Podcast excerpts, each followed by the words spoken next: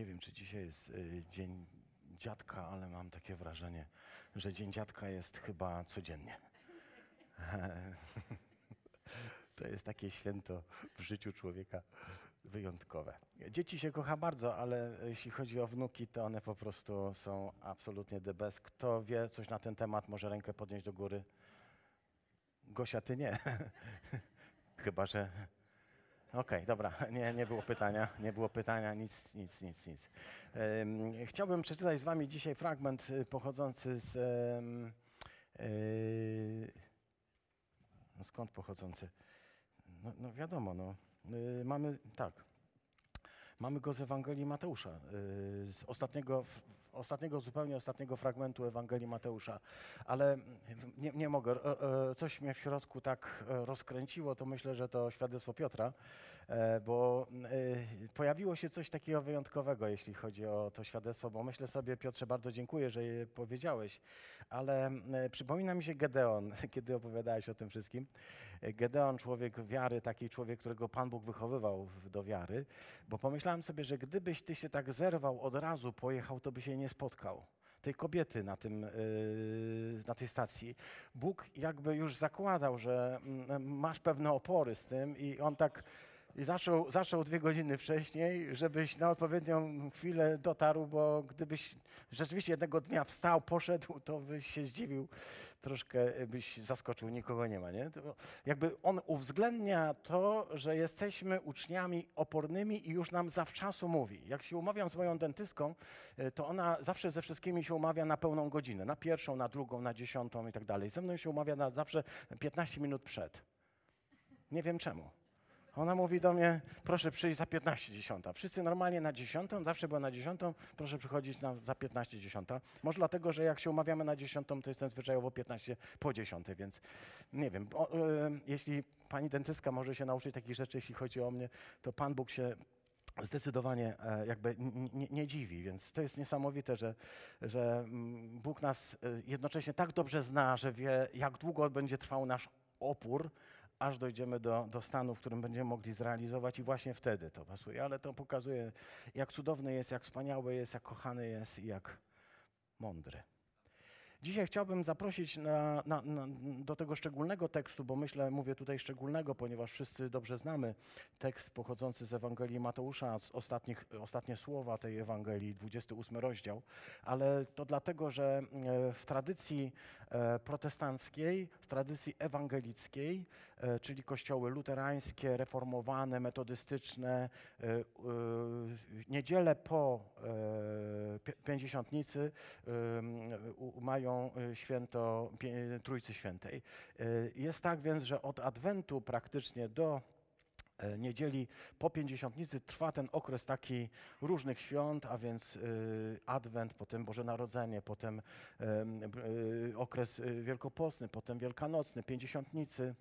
A po Pięćdziesiątnicy jest jeszcze Niedziela Trójcy Świętej i po Niedzieli Trójcy Świętej w każdym kalendarzu ewangelickim, każdym ewa- kalendarzu protestanckim będzie pierwsza niedziela po Trójcy Świętej, druga niedziela, trzecia, piąta, dwudziesta, aż dojdzie do pierwszej niedzieli Adwentu. I tak to wygląda. Więc wszystkie, całe pół roku to jest niedziela po Trójcy Świętej. Ponieważ e, dzisiaj jest ten dzień, to pomyślałam sobie, nie mogę e, nie, nie, nie, nie wspomnieć dzisiaj e, tego wyjątkowego wydarzenia, jakim Kościół e, otacza e, swojego wszechmogącego Boga, który objawił się nam e, w szczególnej postaci, w postaci Trójcy Świętej. E, Jako Boga e, troistego, jako trzy osoby. E, Musimy o tym mówić, przypominać sobie, bo jest to wydarzenie absolutnie wyjątkowe dla e, naszego e, e, na, na, na, naszej kondycji, na, naszej wiary, w znaczeniu naszego zaufania do Boga i zobaczymy to, mam nadzieję, dzisiaj również. Yy, rozumiem ludzi, którzy mają opory przed świętowaniem, ludzi, którzy boją się, że jak coś będą świętować, to y, może im y, korona z głowy spadnie albo coś się stanie. Rozumiem takich ludzi. Nie musicie świętować.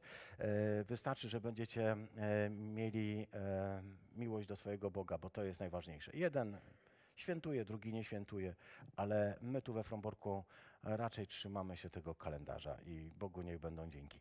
Y, Święto Trójcy Świętej i wielki nakaz misyjny, dwa y, wydarzenia w jednym.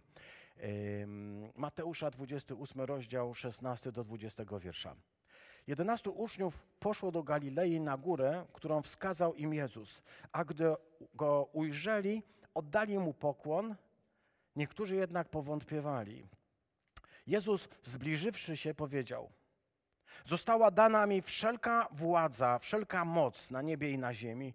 Idąc więc, czyńcie uczniami wszystkie narody, chrzcząc je w imię Ojca i Syna i Ducha Świętego, nauczając ich strzec wszystkiego, jak, e, wszystkie rzeczy, jakie wam przekazałem, a oto ja jestem z wami przez wszystkie dni, aż do końca czasów, aż do skończenia świata. Amen. Dziękujemy Ci, Panie nasz i Boże, za to, że dzisiaj możemy stanąć tutaj na tym miejscu, aby wyznać naszą wiarę, wyznać wiarę w Ciebie jako naszego Boga. Wierzymy, że jesteś jeden. Jesteś jeden Bóg, objawiający się nam jednocześnie jako Ojciec i Syn i Duch. Dzisiaj chcemy do Ciebie podejść z ufnością i z wiarą. Wiemy, że nie ogarnie Ciebie wszechświat, to co dopiero nasz umysł. Dlatego dzisiaj z, z pokorą i, i z głębokim szacunkiem chcemy stanąć wobec tej tajemnicy, jaką jesteś Ty, Pan nasz i Bóg. Otwórz nasze umysły, otwórz nasze serca i mów dzisiaj do nas. Prosimy Ciebie o to, proszę Ciebie o to, ja razem z, z moimi siostrami, z moimi braćmi, w imię Twojego Syna, Ojcze, Jezusa Chrystusa. Amen.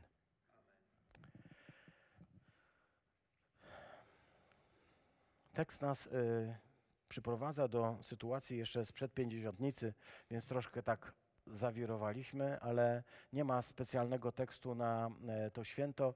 Właściwie niektórzy mówią, że tego święta nie ma w Biblii, bo go nie ma. Tak? W tym sensie, jeśli mówimy o święcie e, Wielkiej Nocy, mówimy o święcie Pięćdziesiątnicy, umiemy zlokalizować te wydarzenia. Nawet święto Narodzenia Pańskiego jesteśmy w stanie jakoś określić, e, chociaż symbolicznie, to tutaj trudno ustalić jakikolwiek, czy, czy tekst, czy jaka, jakąkolwiek okoliczność, kiedy ta rzecz została objawiona. Ale myślę, że w tych słowach rzeczywiście na samym końcu Jezusowego nauczania, zupełnie na koniec, już przed Jego odejściem, tak możemy sobie to wyobrażać, tak?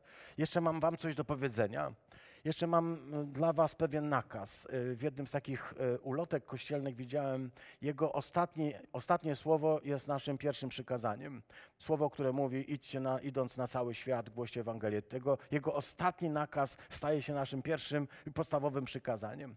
Chcę to powiedzieć, pewne rzeczy, e, jeśli e, mogę powiedzieć trochę jako nauczyciel, pewne rzeczy mm, e, wymagają przygotowania serca, to znaczy przygotowania umysłu. Jeśli jako wykładowca chcę wprowadzić studentów w jakieś trudniejsze zagadnienie, to zawsze muszę poświęcić trochę czasu temu, by e, mieć pewność, że oni rozumieją kontekst, tak? że to nie jest tak po prostu rzucę hasło i pójdę dalej. E, mój przyjaciel Maciej w związku z tym nieraz, kiedy mu tłumaczę trudne rzeczy e, dotyczące w ogóle życia, jakiegokolwiek życia, to, to nieraz tak zapyta, czy ty poza wstępem coś powiesz. Więc wstęp jest bardzo ważny i oczywiście chcę powiedzieć tak, to tak trochę wygląda, jakby całe życie e, Jezusa upłynęło e, nauczaniu, w nauczaniu e, do, do tego momentu i przygotowywał. Wszystko to, co robił, było wstępem do tego, co powiedział na koniec. Do tego, co jest najtrudniejsze i najbardziej zaskakujące. Idąc na cały świat, czyńcie uczniami wszystkie narody, chrzcicie ich imię Ojca i Syna i Ducha Świętego i uczcie przestrzegać przykazań, które Wam przekazałem. Jest to e, coś, co wydaje się bardzo proste, ale znajduje się tutaj coś wyjątkowo trudnego, ponieważ pojawia się tutaj e, idea chrzcijcie w imię w imię, jedno imię, jest y, y, liczba pojedyncza, w imię Ojca i Syna i Ducha.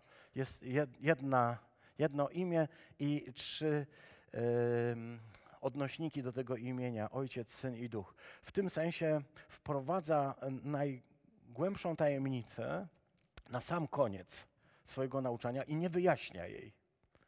Dlaczego nie wyjaśnia? Dlaczego nie usiadł ze swoimi uczniami i im dokładnie nie wyłożył tego, jak to jest, o co chodzi z tym szczególnym e, objawieniem Boga w Chrystusie, w którym Ojciec, Syn i Duch są sobie równi, choć e, wzajemnie e, są jakby mm, e, każdy z nich w, jakby w innej, innej roli, jaką muszą spełnić, a jednocześnie są jednym Bogiem. Dlaczego po prostu nie usiadł i nie wyłożył im tego? Dlaczego żaden z apostołów nie usiadł i tego nie wyłożył? Może dlatego, że Biblia w ogóle nie jest traktatem o Bogu, prawda?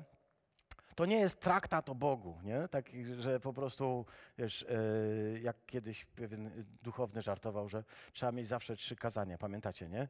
Zawsze przy sobie pastor powinien mieć trzy kazania. Jedno kazanie na temat e, ślubu, drugie takie pogrzebowe kazanie i jedno o Bogu jako takim. Jedno o Bogu jako takim. Nie ma takiego kazania o Bogu jako takim w Biblii. Nie, nie ma czegoś takiego jak kazanie o Bogu jako takim, żebyśmy mieli traktat teologiczny tutaj zawarty. Jezus zostawia to i idzie dalej. I teraz troszkę na zasadzie, no i co wy z tym zrobicie? Więc Kościół nad tym słowem, które Jezus zostawia, zastanawia się i zastanawia i zastanawia, ale my też e, byśmy chcieli e, jeszcze chwilkę dzisiaj się nad tym zastanowić, więc e, dość wstępów Macieju i idziemy. E, pierwszy z tych wierszy, które rozważamy, szesnasty, e, zaczyna się od słowa jedenasty, e, więc dość dziwnie, nie? Szesnasty wiersz zaczyna się od słowa jedenasty. Nie, jedenasty, tylko jedenastu. Jedenastu. Czytam to jedenastu i myślę sobie tak, mm, są różne cyfry w Biblii, ważne i mniej ważne. Trzy jest ważne, siedem jest ważne, ale jest też dwanaście, bardzo ważna e, liczba. Dziękuję, popatrzyłem się, czy to nie cyfra czasami. Bardzo ważna liczba 12. E, co wyraża liczba 12 w Biblii? Zawsze wyraża e, ogół ludu Bożego, prawda? Kiedy mówimy o dwunastu pokoleniach, kiedy mówimy o plemionach Izraela, kiedy mówimy o innych rzeczach, to one określają zawsze, dwanaście określa mm, taką pełnię e, wspólnoty, tak moglibyśmy powiedzieć. Kiedy Jezus powołuje uczniów, to powołuje ich trzynastu, jedenastu, dziewięciu. Nie, On też powołuje dwunastu, prawda? E, zaskoczyłem, wiem, widzę, widzę. jeszcze nie zdążyliśmy złapać, a on już wyjaśnił. Jezus powołuje dwunastu uczniów. E, I tutaj spotykamy się z Kościołem powołanym przez Chrystusa, który jednak liczy sobie 11. Czujemy, że tych 11 to nie jest, y, to nie jest takie zupełnie. Brakuje jednego. Wspólnota, którą założył Jezus, e, nie, nie jest kompletna, bo jednego brakuje. I y, można byłoby napisać, Jezus zgromadził uczniów, prawda, na górze, przyszli uczniowie na górę. Można byłoby tak napisać ten tekst? Ale podkreśla autor, że tych, których, którzy się zgromadziło, było jedenastu.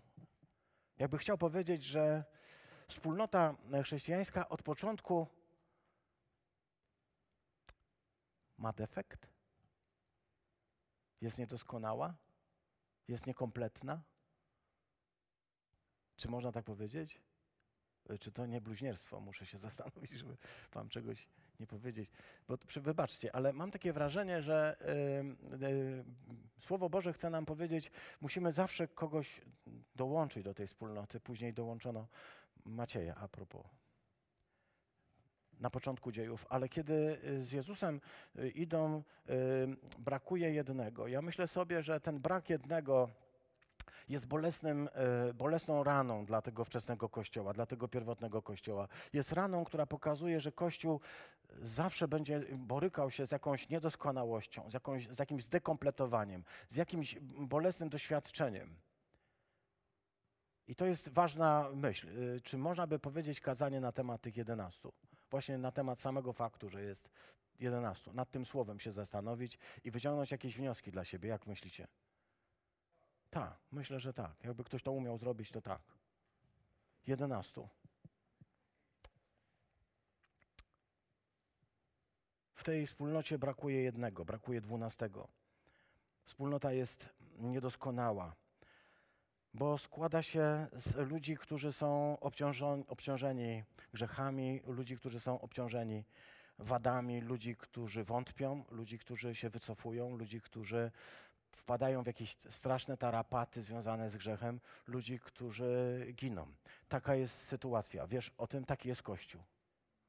Chcielibyśmy, żeby taki nie był. Chcielibyśmy, żeby zawsze był kompletny, cały, żeby wszyscy się kochali, żeby było w nim zawsze super i żeby było ekstra i żeby z, nigdy nie było tak, że tutaj coś się złego dzieje.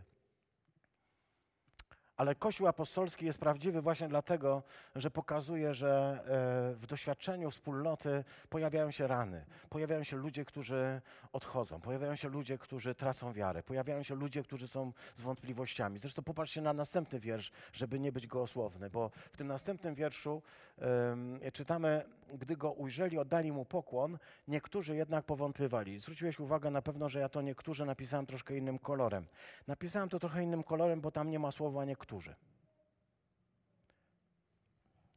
Tam naprawdę brzmi to, a gdy go ujrzeli, oddali mu pokłon, jednak powątpiewali. I to, tutaj bibliści bardzo y, jakoś y, różne sposoby wyjaśniają. Na przykład w starożytności wyjaśniano to na dwa sposoby. Że tam było 11, ale przyszło jeszcze 72. I o ile tych 11 to było wierzących, to tych 72 powątpiewało.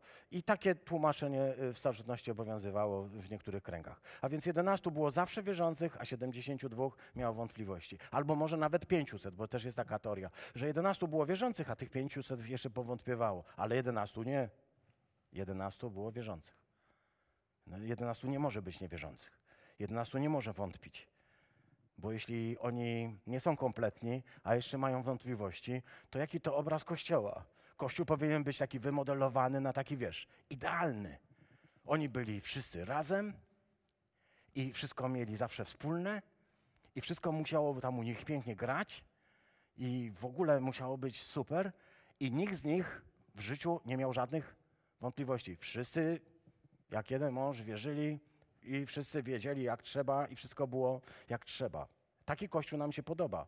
Taki kościół jest piękny. Wierzę w to, że Bóg do takiego kościoła nas prowadzi. Ale prowadzi nas przez kościół niedoskonały, przez taki, taką wspólnotę, jak choćby ta nasza fromborska, niedoskonałą w której e, pierwszym niedoskonałym, e, najniedoskonalszym jest mówiący do Was te słowa. Yy, myślicie, że się kryguje, nie? Żebyście mi powiedzieli, nie, nie jesteś taki zły. No. Miło posłuchać kazania z drugiej strony. Jeszcze inni to e, wyrażenie hoide, które tutaj się e, właśnie znalazło, tłumaczą w ten sposób, że mm, apostołowie co prawda wcześniej mieli wątpliwości, ale później już wątpliwości nie mieli, a więc to należałoby tłumaczyć, a gdy go ujrzeli, mieli najpierw wątpliwości, ale potem oddali mu pokłon. Tak niektórzy chcą to tłumaczyć. Jak się wam podoba takie tłumaczenie? Jeszcze inni powiedzą, E, przyszli do Jezusa i jak go zobaczyli, to jedni padli na twarz, a drudzy nie, bo tutaj jest słowo proskeneza, e, czyli oddali mu pokłon. E, proskeneza, taki grecki wyraz, oznacza paść na twarz przed kimś. Dokładnie, wiecie, po prostu plackiem. Możemy komuś podać rękę, powiedzieć dzień dobry, możemy się nawet ukłonić, nie? ale żeby padać przed kimś na twarz i mówić bądź pozdrowiony i leżeć przed nim w prochu, to wiemy, że to nie, no nie, nie jest fajne. A oni padli. Ale tutaj ten tekst, y, niektórzy mówią, jedni padli, drudzy nie. Czyli po prostu kilku padło, kilku nie padło. Mm, to byłoby bardzo ciekawe wskazanie na to, czy ewentualnie mm, wszyscy uznali w Jezusie kogoś, kogo można uczcić w taki sposób. Czyli niektórzy mogli mieć wątpliwości co do tego, żeby przed Chrystusem paść na twarz. Czyli no mogę paść, ale widzę, że inni padają i ja tak patrzę, paść, nie paść, nie wiem, może padnę, ale mam wątpliwości, czy paść. To są wątpliwości odnośnie tego, czy uczcić Jezusa. Czy Jezus jest godzien tego, by przed Nim paść na twarz? Czy Jezus jest godny tego, by oddać Mu chwałę, by oddać Mu cześć? By przed Nim się pokłonić, by Go po prostu uwielbić. Czy Jezus jest godzien, by to zrobić? Ponieważ jeśli jest stworzeniem, to oddawanie mu chwały, oddawanie mu czci, to pokłon taki niski, dopadanie przed nim na twarz, to uwielbienie go byłoby bałwochwalstwem. Bałwochwalstwo w swojej definicji to oddawanie czci stworzeniu zamiast Stwórcy albo obok Stwórcy. Jesteśmy chrześcijanami i wierzymy, że nie możemy oddawać czci żadnemu stworzeniu, które Bóg uczynił. Nie możemy czcić i wielbić, nie wiem, jakiekolwiek inne osoby w taki sposób jak Boga. Tylko Bóg jest godzien, by przed Nim padać na twarz i po prostu mówić: Ty jesteś moim Bogiem, nie mam innego. I oni to robią w stosunku do Chrystusa, bo czytamy, padają na twarz. Proskyneza, takie uwielbienie. Chcę powiedzieć, że dokładnie to też opisuje Jan w swojej apokalipsie. Kiedy mówi o tym, że wszystkie stworzenia, że wszystkie istoty na niebie, na ziemi i pod ziemią będą musiały kiedyś zgiąć swoje kolano i wyznać, że Jezus Chrystus jest Panem. Dzisiaj czynimy to dobrowolnie. Zginamy nasze kolana i wyznajemy, że Jezus Chrystus jest Panem. Ale kiedyś cały świat to zrobi. Wszystkie istoty, wszystkie byty będą musiały uznać, że Chrystus jest Panem i przed Nim zgiąć kolano, paść przed Nim na twarz. Apokalipsa mówi, że całe niebo jest głęboko e, poruszone tym, co zrobił Jezus Chrystus i w tym poruszeniu czytamy starcy i aniołowie i ci najwyżsi aniołowie, ale też i wszelkie stworzenie, czytamy, śpiewa pieśń i głosi, że barankowi e, na, e, należy się chwała, należy się cześć i uwielbienie. Bogu i barankowi. Chwała, cześć i uwielbienie. Powiedzcie, to jest w Biblii? Apokalipsie. Jezusowi Chrystusowi, Bożemu Barankowi należy się wszelka chwała i cześć i uwielbienie.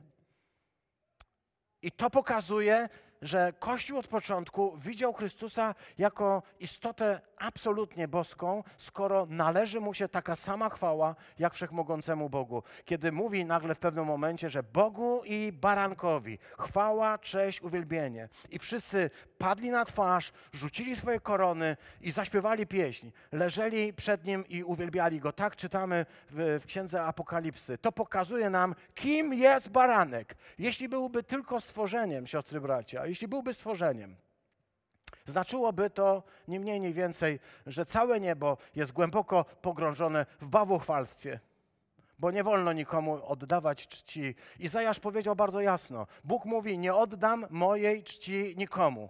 Tak powiedział? Nie oddam mojej czci nikomu. Nikt nie będzie godzien, żeby go wielbić i czcić tak jak Boga.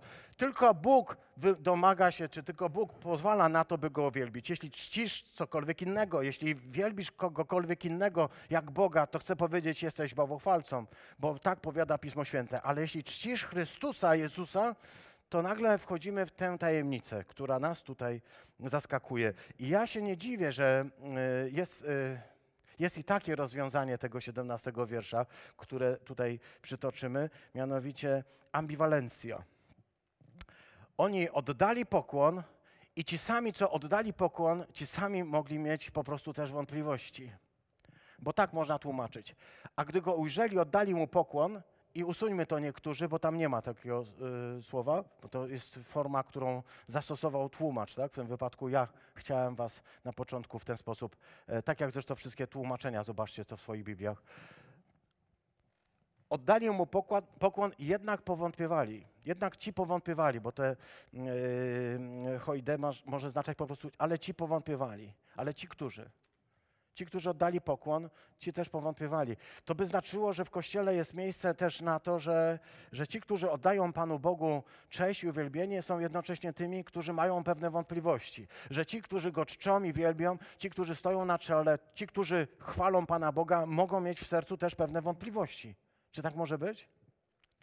14, to słowo, które tutaj jest użyte, mieli wątpliwości, czyli słowo edistasan, edistasan, to na samym końcu powątpiewali. To samo słowo e, Mateusz używa jeszcze raz. W 14 rozdziale, y, 31 wierszu użył jeszcze raz to, te, tego słowa i tylko dwa razy ono występuje w Nowym Testamencie. Editasan to znaczy słowo, które oznacza wątpliwości. Y, Drugi raz, czyli właściwie pierwszy, bo to jest ostatni fragment Mateusza, drugi raz pojawia się w, w, w 14 rozdziale, w 31 wierszu i ten rozdział mówi nam o pewnym takim y, znanym, popularnym wydarzeniu. Mianowicie o tym, jak to pewnego razu y, Pan Jezus przyszedł w środku nocy na, na jacht. Płynęli sobie jachtem, było pięknie w ogóle, ale chyba nie oświetleni. I, I tak sobie płynęli i było miło, i było miło. I nagle zobaczyli y, zjawę wędrującą po jeziorze. Wiadomo jest, że ludzie nie wędrują po jeziorze na piechotę. Więc się przestraszyli i w pewnym momencie Piotr zawołał, jeśli to Ty, to powiedz y, słowo, żeby mógł do Ciebie przyjść. I Jezus powiedział jedno słowo, które brzmiało chodź, przyjdź. I on na tym słowie, jak to kiedyś pięknie pewien kaznodzieja pokazał, on nie na, po, po wodzie szedł, tylko po tym słowie. Wydaje się, że słowo nie może być czymś, po czym można chodzić. A Jezus mówi, e, niebo i ziemia przeminą, a woda też. Wszystko, co widzisz, przeminie. Wszystko, co wydaje się jakąś wartością stałą, trwałą, grunt pod nogami, to też przeminie. Jedyna rzecz, jaka nie przeminie, to to słowo. Jest, wydaje się tak efemeryczne, jest tak nieuchwytne, jest tak. Nie można by się go trzymać, a jednocześnie, jeśli Bóg powiedział swoje słowo, to ono nie przeminie. Niebo i ziemia przeminą. Tatry Twoje przeminą. Wszystkie góry przeminą. Wszystko to, co mogłeś oglądać, wszystko to przeminie. Ta ziemia przeminie. A Słowo Boże będzie trwało, Słowo Chrystusa będzie trwało. Na tym Słowie można budować. Wybudował na tym Słowie mądry budowniczy dom. Na tym Słowie. Na tej skale. Jeśli budujesz na tym Słowie Chrystusa, możesz być pewien, że wszystko inne przeminie, prędzej czy później. Mówią, uroda przeminie, może nawet mądrość, jeśli kiedyś była, przeminie. Ale Słowo Boże nie przeminie. Tutaj, kiedy Piotr szedł po tym słowie do, do Chrystusa i wpatrywał się w niego, to podkreślają też często egzegeci, w pewnym momencie zaczął rozglądać się po bokach, zaczął oglądać się na wszystko to, co się dzieje wokół niego, a to, co się działo wokół niego, było niesprzyjające, tak samo jak dzisiaj niesprzyjające jest to, co się dzieje wokół nas. Dopóki patrzymy na Chrystusa, dopóki jesteśmy w Niego wpatrzeni, jesteśmy w stanie iść i nic nas nie obchodzi. W momencie, kiedy zaczynamy się rozglądać na boki, zaczynamy patrzeć, co się dzieje na świecie, coraz gorzej jest. Jeśli ktoś zaczyna nam pokazywać, i tu jest źle, i tu jest źle, i ci są źli, i ci są źli, i tu się zawaliło, i tam się wali, zobacz, co się dzieje na świecie. Chrześcijanin chce powiedzieć jedną rzecz. Spójrz na Chrystusa. Przestań się bać. On jest tym, który wypowiedział słowo. Na Jego słowie możesz budować. Jest to pewne yy, yy, na 100%. On daje gwarancję. Obyśmy się nie przekonali za późno, ale On daje dzisiaj gwarancję. Jeśli budujesz na Jego słowie, wiedz, że wytrwasz do końca i będziesz zwycięzcą. Dlatego tutaj to takie ważne jest, żeby nie rozglądać się na boki, żeby nie dać się przerażać tym, co jest. Ciągle ktoś chce nas wprowadzić w poczucie winy. Kto, ciągle ktoś chce nas wprowadzić w jakiś strach. Wytłumaczyć nam, że się źle dzieje, że się źle dzieje. Zaczynamy się przyglądać temu wszystkiemu i myślimy sobie, że rzeczywiście źle się dzieje. No i od tego myślenia co zrobisz? Czy jesteś w stanie naprawić świat od tego, że patrzysz, że się źle dzieje? Czy jesteś w stanie naprawić drugiego człowieka od tego, że się źle dzieje? Czy po prostu spojrzeć na Chrystusa i zacząć iść w Jego stronę? I to jest jedyna alternatywa dla Ciebie. Wiemy, że Piotr nie wytrwał, że wyruszył, ale w pewnym momencie popadł w zamieszanie. Sytuacje okoliczne wokół zaczęły robić się dla niego tak ważne, że się na nie zaczął rozglądać i wiemy, że zaczął tonąć. Zaczęło się dziać coś fatalnego w jego życiu. I wtedy Jezus wyciąga swoją rękę, wyciąga go z wody i mówi takie słowa. Pozwólcie, że przytoczę. Wyciągnął rękę natychmiast, to jest też ważne, uchwycił go, też jest ważne, i powiedział do niego, i to jest najważniejsze. Powiedział do niego o małej wiary. Czemu? Edistasas, czemu zwątpiłeś? Czemu zwątpiłeś? Czy może być tak, że on jest e, wierzący i wątpiący? Tak wygląda z tego tekstu. Mógł zrobić coś, na co mnie nie byłoby stać. Wyjść z łodzi i pójść do, e, do tego miejsca, gdzie jest, e, no, gdzie, gdzie, gdzie jest Chrystus. Mógł zrobić coś wyjątkowego, ponieważ miał tyle wiary, żeby to zrobić, ale jednocześnie pojawiły się wątpliwości. Mnie nie dziwi ten tekst, który mówi, że ujrzeli, oddali mu pokłon, a jednak mogli mieć wątpliwości. Mogli mieć wątpliwości, czy na pewno jest zmartwychwstały Chrystus. Możesz się nieraz zastanawiać, jakim cudem, przecież widzieli, to jak mogli wątpić. A ty tyle razy doświadczyłeś, jak możesz wątpić?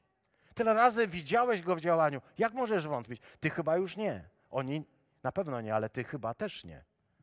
Ktoś powiedział, jakbym zobaczył takie cuda, jak oni widzieli, jakbym zobaczył takie cuda, które Bóg czyni e, Izraelowi, kiedy przeprowadzał ich przez morze, wiesz, wszystko można sobie racjonalnie wytłumaczyć. Że to taki przypadek, że to taki wiatr był, że to woda została rozproszona. Zawsze możesz powiedzieć, mi się to mogło przewidzieć, ale tak nie jest. Rahab, kobieta z Jericha, powiedziała tak: Słyszeliśmy, co Bóg wam zrobił, gdyście wychodzili z Egiptu, jak Bóg mocną ręką pokonał faraona, jak pokonał waszych wrogów. Widzieliśmy, słyszeliśmy o tym, co Bóg zrobił. Dlatego wiem, że na ten lud jest już za późno. Dlatego wiem, że tylko Bóg wasz jest prawdziwym Bogiem. Ja to wiem tylko ze słyszenia. Są ludzie, którzy mogli oglądać takie rzeczy i dalej nie wierzyć. Chcę powiedzieć, że najpiękniejszym obrazem są te kobiety, które widziały Chrystusa zmartwychwstałego i czytamy, że y, z lęku nie wierzyły. Chcę y, zamknąć to, bo to jest y, za długo. Zwróćcie uwagę tylko na to, że wiara i wątpliwości jakoś zawsze są w parze. Nawet mogę zapytać siebie, choć to zbyt odważne pytanie, ale zadam. Czy może być wiara bez wątpliwości? Bo jeśli nie ma żadnych wątpliwości, to czy ty masz wiarę? Jeśli wierze towarzyszą wątpliwości, to jeśli nie ma żadnych wątpliwości, to czy na pewno masz wiarę? Teraz powinniście się na mnie obrazić. Powinniście powiedzieć, przesadził, ja nie mam żadnych wątpliwości. Ja wierzę. Ja wierzę Bogu tak, ufam tak Bogu, że po prostu. Ja mu tak ufam, że człowieku, to ty nawet nie zdajesz sobie sprawy, jak ja mu ufam. Ja tobie nie ufam, nikomu nie ufam, ja tylko jemu ufam.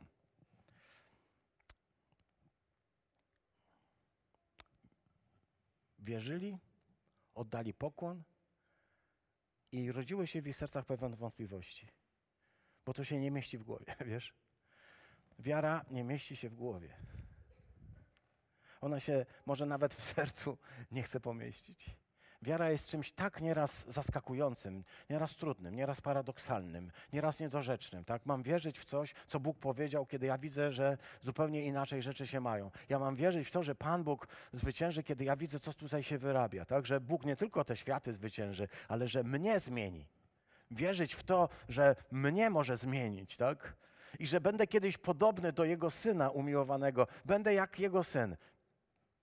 Mogę wierzyć w to, że Ty będziesz taki. Mogę wierzyć, że On, ona mogą być tacy, ale ja wiem, kim jestem.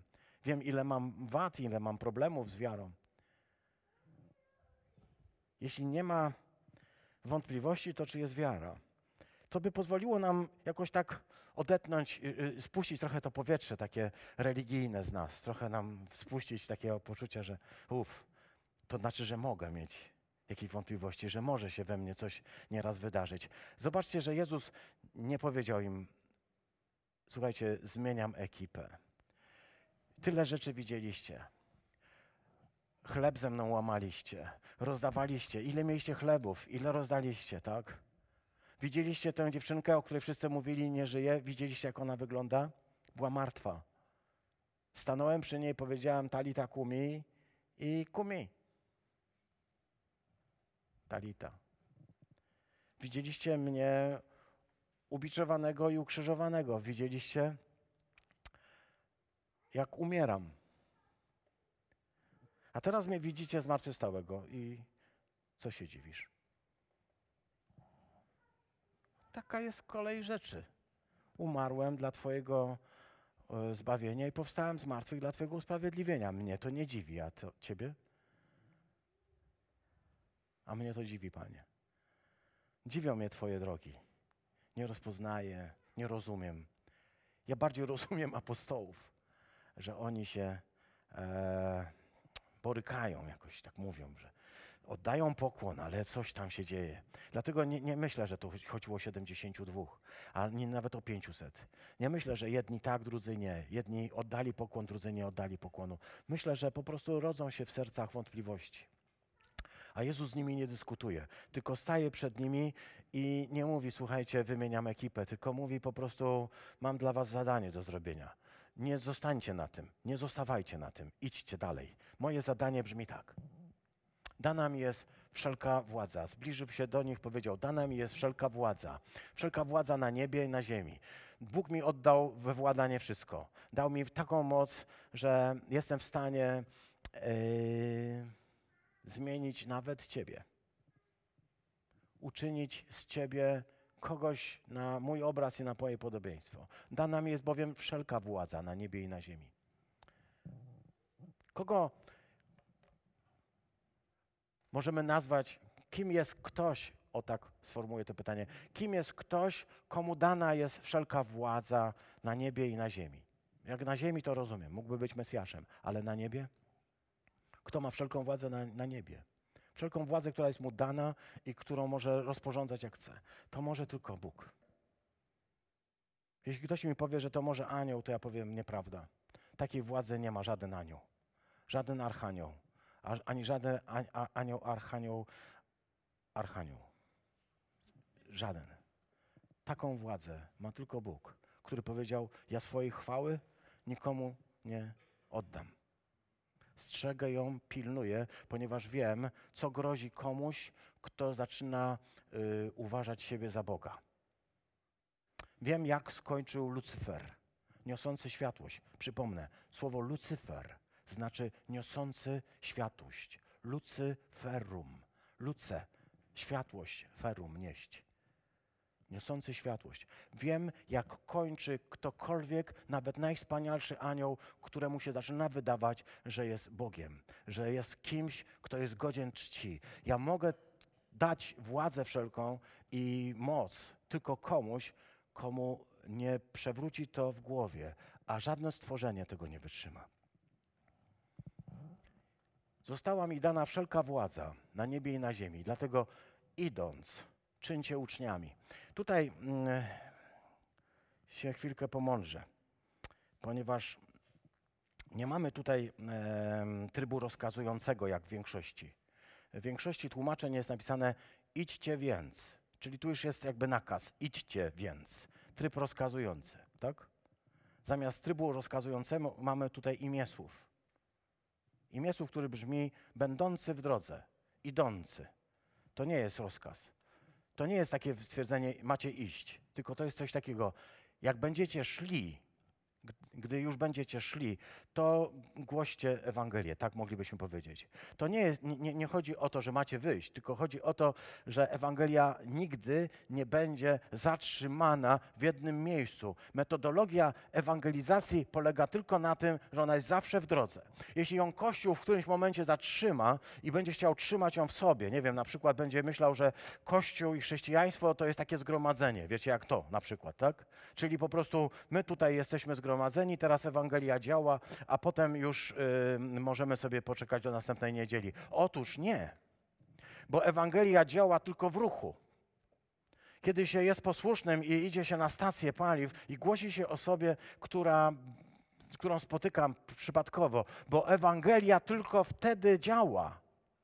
Ona nie może być zamknięta ani w tabernakulum, w świętym namiocie, ani w kościele, jako we wspólnocie ludzi, bo ona jest powołana, ona jakby w swojej dynamice wymaga tego, żeby iść. Dlatego Jezus nawet nie mówi idźcie, głoście, tylko naturalną rzeczą jest, jak będziecie w ruchu. Ewangelia będzie działać, jak będziemy w ruchu. Jeśli będziemy y, siedzieć w jednym miejscu i myśleć, to jak ona działa, to ona e, nie będzie działać. Idący więc czyńcie uczniami. Zwróćcie uwagę tutaj na taką, e, takie e, zjawisko.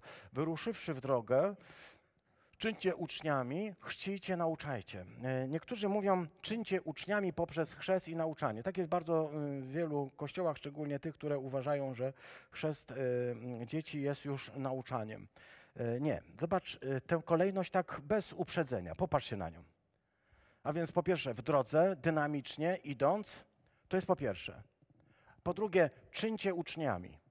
Tu nie ma y, dwukropka postawionego. Czyńcie uczniami. Po pierwsze, chrzcijcie, po drugie, nauczajcie. Nie. Tylko najpierw, zanim ochrzcicie, to czyńcie uczniami. To jest wasze powołanie. Abyście, będąc w drodze, czynili innych uczniami Chrystusa.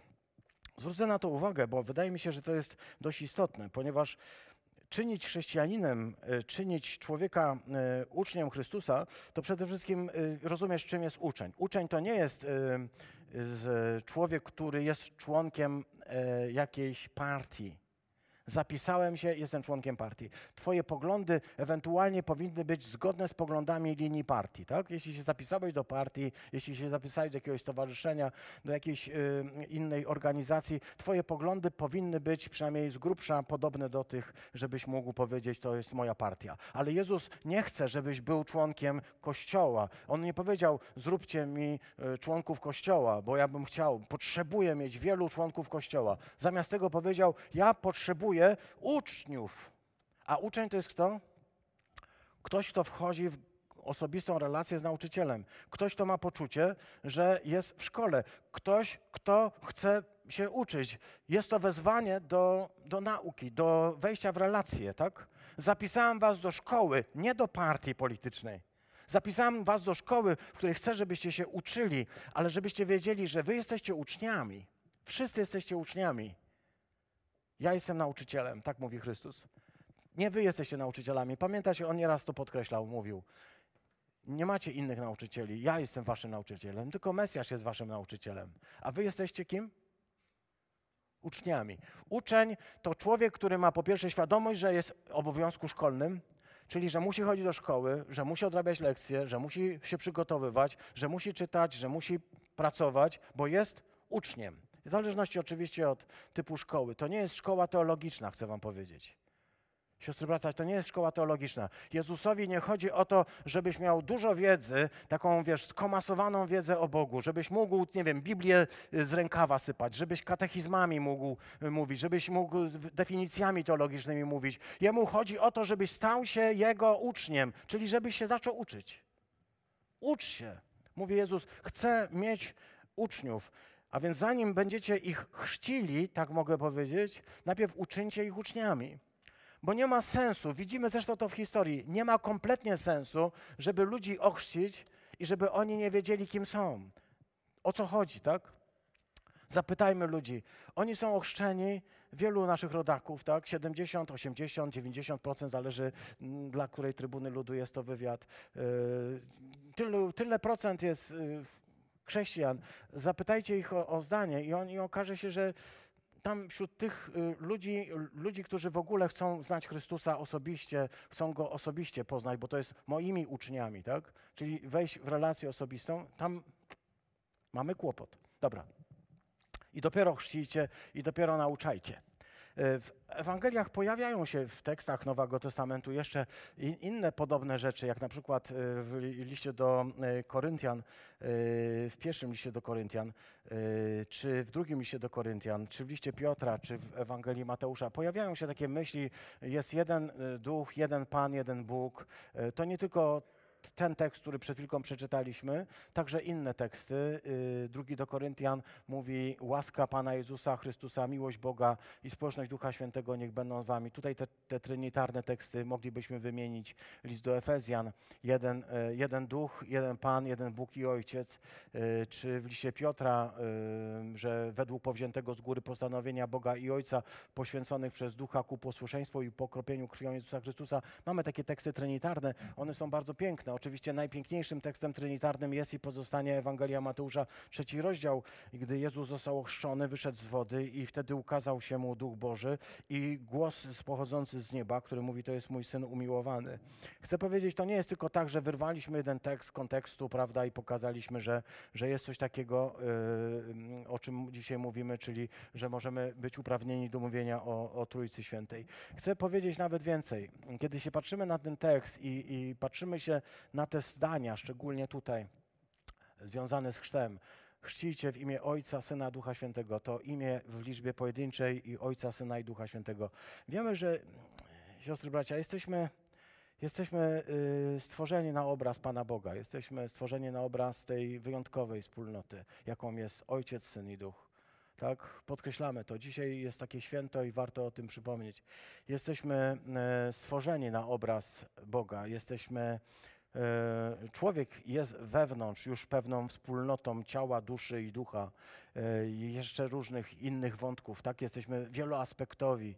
Tak, jesteśmy wieloaspektowi. Nie, niektórzy chcieliby nas prowadzić tylko do materii, powiedzieć, jesteśmy tylko materią. Inni podkreślają, że właściwie to materia się nie liczy, jesteśmy tylko duszą. Tak, jesteśmy wieloaspektowi. E, Jesteśmy jako wspólnota różnorodni, jesteśmy jako wspólnota też w głębokiej jedności, jesteśmy też równi, jesteśmy w pewnym doświadczeniu trudności i jesteśmy też płodni. To, jest, to są cechy wspólnoty. Moglibyśmy je sobie spokojnie rozważyć, tylko że czynimy to cyklicznie co pewien czas. Y, Na te wątki zwracałem Waszą uwagę już choćby mm, y, rok temu. A dzisiaj chciałbym zwrócić Waszą uwagę na coś takiego. Mianowicie ja, e, jako zwykły zjadacz chleba, taka woda, o której mówiliśmy dzisiaj w wyznaniu wiary, człowiek e, po prostu no, zwyczajny, zupełnie zwyczajny, niczym się nie wyróżniający. Mama znała moje imię, tak?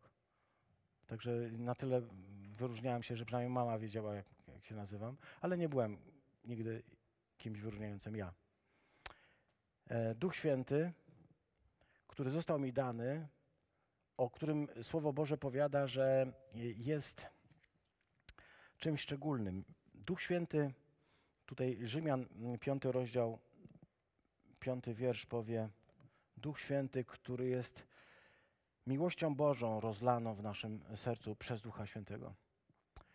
Doświadczyłem tej miłości Bożej. E, Ona się rozlała w moim sercu. I to rozlanie tej Bożej miłości to jest działanie Ducha. Ten Duch zamieszkał we mnie, chociaż nie byłem kimś szczególnym, ważnym.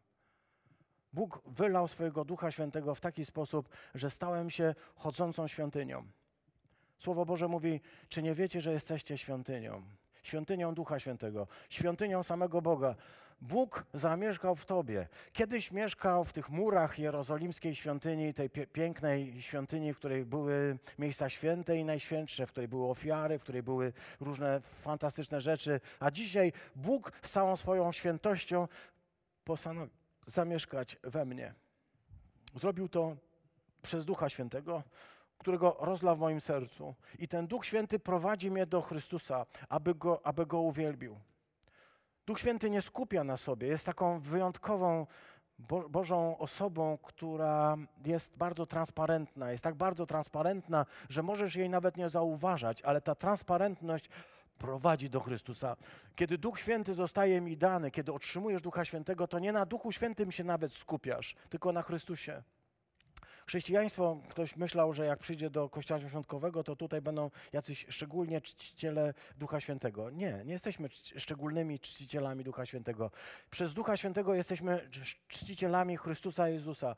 On staje się dla nas tak ważny, ponieważ Duch Święty, który jest rozlany w naszym sercu, wciąż i wciąż chce uwielbiać y, tego Chrystusa. I co z tego, co z tego mogę, co z tym mogę sobie, jak mogę sobie z tym poradzić? Co z tym mogę zrobić? Skoro wszystko we mnie się wyrywa, by uwielbiać Jezusa Chrystusa i nie wiem, skąd mam e, taką siłę inaczej, jak tylko przez Ducha Bożego. On jest rozlany we mnie. Muszę Go wielbić. Muszę w znaczeniu, chcę Go wielbić. To jest sens mojego życia. Chcę wielbić Chrystusa, e, bo ten Duch prowadzi mnie ku Chrystusowi, a Chrystus prowadzi mnie ku Ojcu. Chrystus mnie zawsze wprowadza w tę pełnię bóstwa. Chrystus, który mówi o sobie, y, pozwólcie, że przeczytam, bo to jest naprawdę e, fantastyczna rzecz, którą e, możemy w trzecim rozdziale listu do Galacjan przeczytać. Mówi tak: mm, Wszyscy bowiem jesteście synami Boga przez wiarę w Chrystusa Jezusa. Wszyscy jesteśmy synami Bożymi przez wiarę. Czyli nie wszyscy jesteśmy po prostu synami Bożymi, tylko przez wiarę w Jezusa. Tylko kiedy wierzysz w Jezusa, tylko przez wiarę w Chrystusa stajesz się synem Bożym. Bo wszyscy, ilu was było ochrzczonych y, w Chrystusa, zostaliście w nim przyobleczeni, znaleźliście się w nim. Tak? I nie ma w nim już Żyda, ani Greka, ani Polaka, ani Ruska, ani Niemca, ani Czecha, nie ma niewolnika, ani wolnego, nie ma mężczyzny, ani kobiety. Wszyscy jesteście jedno w Jezusie Chrystusie. Jeśli wy należycie do Chrystusa, to jesteście nasieniem Abrahama, jesteście dziedzicami obietnicy. Dlatego możemy śpiewać Bóg naszych ojców. Jesteśmy prawdziwymi dziedzicami obietnic, które Bóg dał Abrahamowi. Jesteśmy braćmi. Braterstwo to jest to, o czym zawsze myślimy, jak myślimy o Kościele.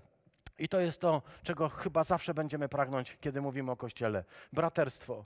Nie hierarchia, nie w znaczeniu, e, nie wiem, jakiś ustrój wewnętrzny, ale braterstwo i ta miłość, ponieważ mamy jednego Pana, jesteśmy Jego braćmi, jesteśmy Jego sługami. On nas prowadzi do Ojca, który chce nas wprowadzić w doskonałość. Jezus mówi, e, to jest Ewangelia Mateusza, piąty rozdział, e, jak pięknie, piąty rozdział, 45 wiersz mówi, abyście stali się synami waszego Ojca w niebie, abyście y, stali się takimi, którzy mm, potrafią okazywać, tutaj wiersz 46, jeśli okazujecie miłość tym, którzy was kochają, jaką macie zapłatę. Jeśli pozdrawiacie tych braci, którzy y, was pozdrawiają, co szczególnego robicie. Macie być doskonali, jak Ojciec was jest doskonały, abyście się stali synami waszego Ojca w niebie. Stali się doskonali w tym miłowaniu. I na koniec tego ten ojciec e, z tą miłością wraca do mnie jak powiedział pięknie e, Jezus w e, Ewangelii Jana w 14 rozdziale, powiedział do Judy, nie do, do, do Iskarioty, tylko do innego. Jeśli ktoś mnie miłuje, słowo moje zachowa i mój ojciec go umiłuje i przyjdziemy do niego i uczynimy w nim mieszkanie. Ktoś powiedział kiedyś, wiesz co, mi cała ta teologia nie jest potrzebna, trójca, nie trójca. Chcę powiedzieć ci coś takiego. Bóg działa właśnie w taki sposób. Przez Ducha Świętego, prowadząc do Jezusa, który nas prowadza do Ojca, który zamieszkuje e, sobie w nas. Może możesz tego nie rozpoznawać, jesteś małym dzieckiem, nie, nie rozumiesz, ale jeśli jesteś, ym, starasz się, y, uczysz się, dorastasz, to rozumiesz, że kiedy chrześcijanie obchodzą święto Trójcy Świętej, kiedy zaczynają mówić o swoim Bogu, to rozpiera nas to poczucie tej jedności y, y, tych trzech osób, jednego bóstwa i tego bóstwa różnorodności w działaniu. I to powoduje, że już nie jesteśmy sami, a stajemy się wspólnotą. Ja zamknę to takim tekstem, który powiedział e, święty Augustyn, jeśli pozwolicie, w traktacie o Trójcy Świętej. Mm, Mówi tak. Widzę miłość. Wpatruję się w nią wzrokiem duszy, na ile mnie stać. Wierzę słowom Pisma, że Bóg jest miłością, a kto trwa w miłości, w Bogu trwa. A jednak nie widzę Trójcy Świętej. Owszem, mówi dalej jakby do siebie. Widzisz Trójcę. Widzisz ją, widząc miłość. Tak powiedział święty Augustyn i stwierdził, że to jest jakby korona. Kiedy widzisz miłość w działaniu w relacjach. Możesz dostrzec to, czego nie jesteśmy w stanie opisać żadnymi słowami, nazwać żadnymi imionami. Możesz wejść w najgłębszą tajemnicę chrześcijaństwa, kiedy doświadczasz miłości, kiedy w nią wchodzisz, kiedy budujesz ją wokół siebie. Jeśli chcesz zobaczyć Trójcę, to zobaczysz ją w miłości. Dlatego jest Kościół, aby mógł stać się taką przestrzenią, w której ludzie zobaczą Boga. Boga działającego, Boga dynamicznego, Boga, który prowadzi nas do siebie i który zamieszkuje w nas. Bogu niech będą dzięki. Amen.